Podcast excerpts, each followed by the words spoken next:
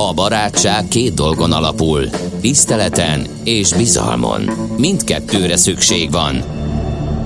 Mindkét félnél. Millás reggeli. A vonalban itt van velünk Videl Gergő, a KPMG senior menedzsere. Jó reggelt, szervusz! Jó reggelt kívánok, szervusz, jó reggelt minden kedves És a fizetési moratóriumnak a gyakorlati kis részleteivel, alkalmazásával e, foglalkozunk, e, mert e, egyre inkább aktuálissá válnak változások is.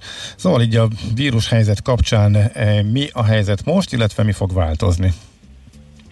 A jelenlegi fizetési moratórium az év végéig érvényes. Tehát ugye ez a hiteltörlesztési moratórium év végén ugye lejár, ez egy nagyon széles körű moratórium volt, nagyon minimális kivételekkel, tehát bizonyos felügyelt intézmények, mint bankok vagy állami szervezetek, önkormányzatok nem tartoztak alá. Ez egy nagyon széles körű moratórium volt, ugye ez lejár. Sajnos ugye a, a Covid vírus helyzet nem úgy alakul, hogy megszűnne a, a probléma, így um, úgy döntött az országgyűlés, hogy szelektíven meghosszabbítja ezt a kritériumot bizonyos társadalmi csoportoknak, bizonyos vállalkozások számára, illetve behozott egy új uh, hitelfelmondási moratórium nevű intézkedés. Na, ez micsoda?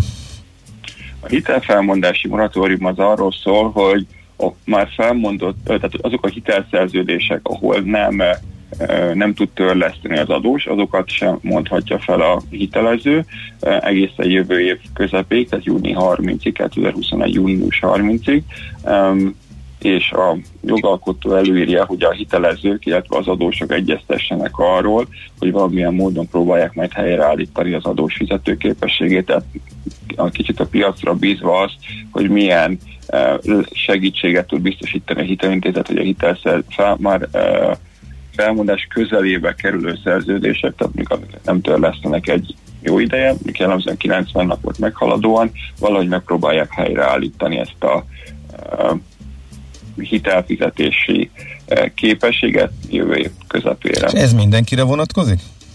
A hitelfelmondási moratórium igen, az mindenkire vonatkozik, az előbb említett kivételek megmaradnak egyébként az új intézkedésekben is, az állam, az önkormányzat, illetve a bankok, biztosítók, alapkezelők számára ez továbbra sem él, de azon kívül mindenki számára. Igen. igen. És a hiteltörlesztési moratórium, az kikre vonatkozik? Uh-huh.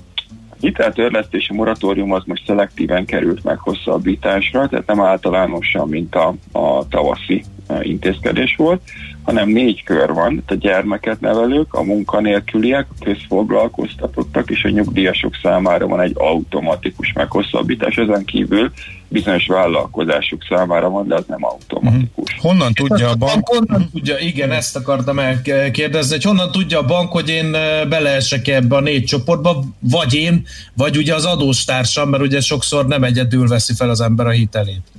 Uh-huh.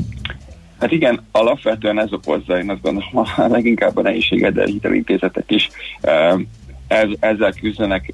Ugye a nehézséget az okozza, hogy gyermeket nevelőknek a definíció például, hogy ez 25 év alatti eltartott, illetve ide tartozik például a 12 hét feletti magzat is a gyermeket nevelők körébe, amiről ugye hitelintézetnek most balvaváró hitelen kívül, ahol ugye erről ugye tájékoztatjuk a, a bankot, ha azóta ugye születik gyermekünk például, de a többi hitel esetében erről alapvetően nincs ugye a hitelintézetnek információja. Ugye a munkanélküliek esetében akár a, a számlára érkező e, munkanélküli támogatás, álláskeresési támogatásra talán ugye e, lehet megoldásokat keresni a gyereknevelésre, azt gondolom, hogy sokkal nehezebb.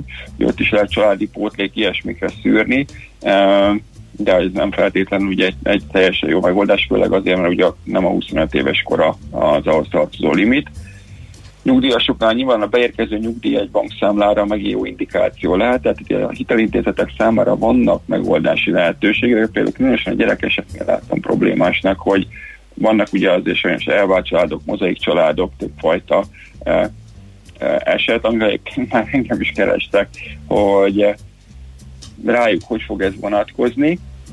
Ugye az a, az a, azt várjuk, hogy a Nemzeti Bank, hogy tavasszal is több kérdés kapcsán megfogalmazott állásfoglalást. Itt azért a piac is azt várja, hogy a Nemzeti Bank ebben e, segíteni fogja a piaci szereplőket. Hogy ezt hogyan. Mm.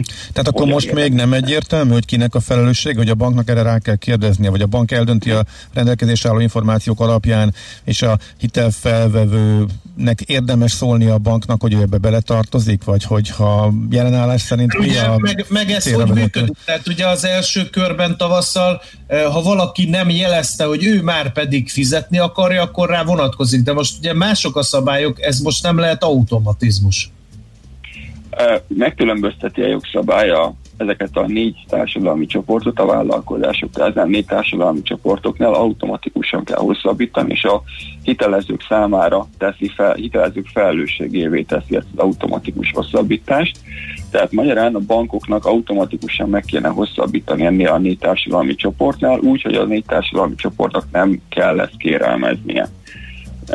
Viszont ugye ehhez, hogy ezt a bank meg tudja tenni, a jogszabály beépíti, hogy javasolt a felek között elektronikus úton egyeztetni, tehát várhatóan itt a hitelintézetek azt gondolom megkereshetik az adósokat, illetve érdemes is megkeresniük az adósokat, hogy ők ezt látják, ugye a rendszereikben ezt látják az adatokból, és akkor ugye számára tájékoztatják, hogy ő rá vonatkozik ez a hiteltörlesztési moratórium, valakire ugye nem vonatkozik a hiteltörlesztési moratórium, és nyilván hogy a felek számára e, megkérni ugye az adósokat, hogyha ők ezzel ellentétes információk van, például gyerekük, amiről ugye hitelintézet nem tud, akkor ugye tájékoztassák elektronikus úton, lehetőleg elektronikus úton ugye a hitelintézetet, hogy ezt az a, a automatikus hosszabbítást ugye a hitelintézet el tudja végezni. Uh-huh.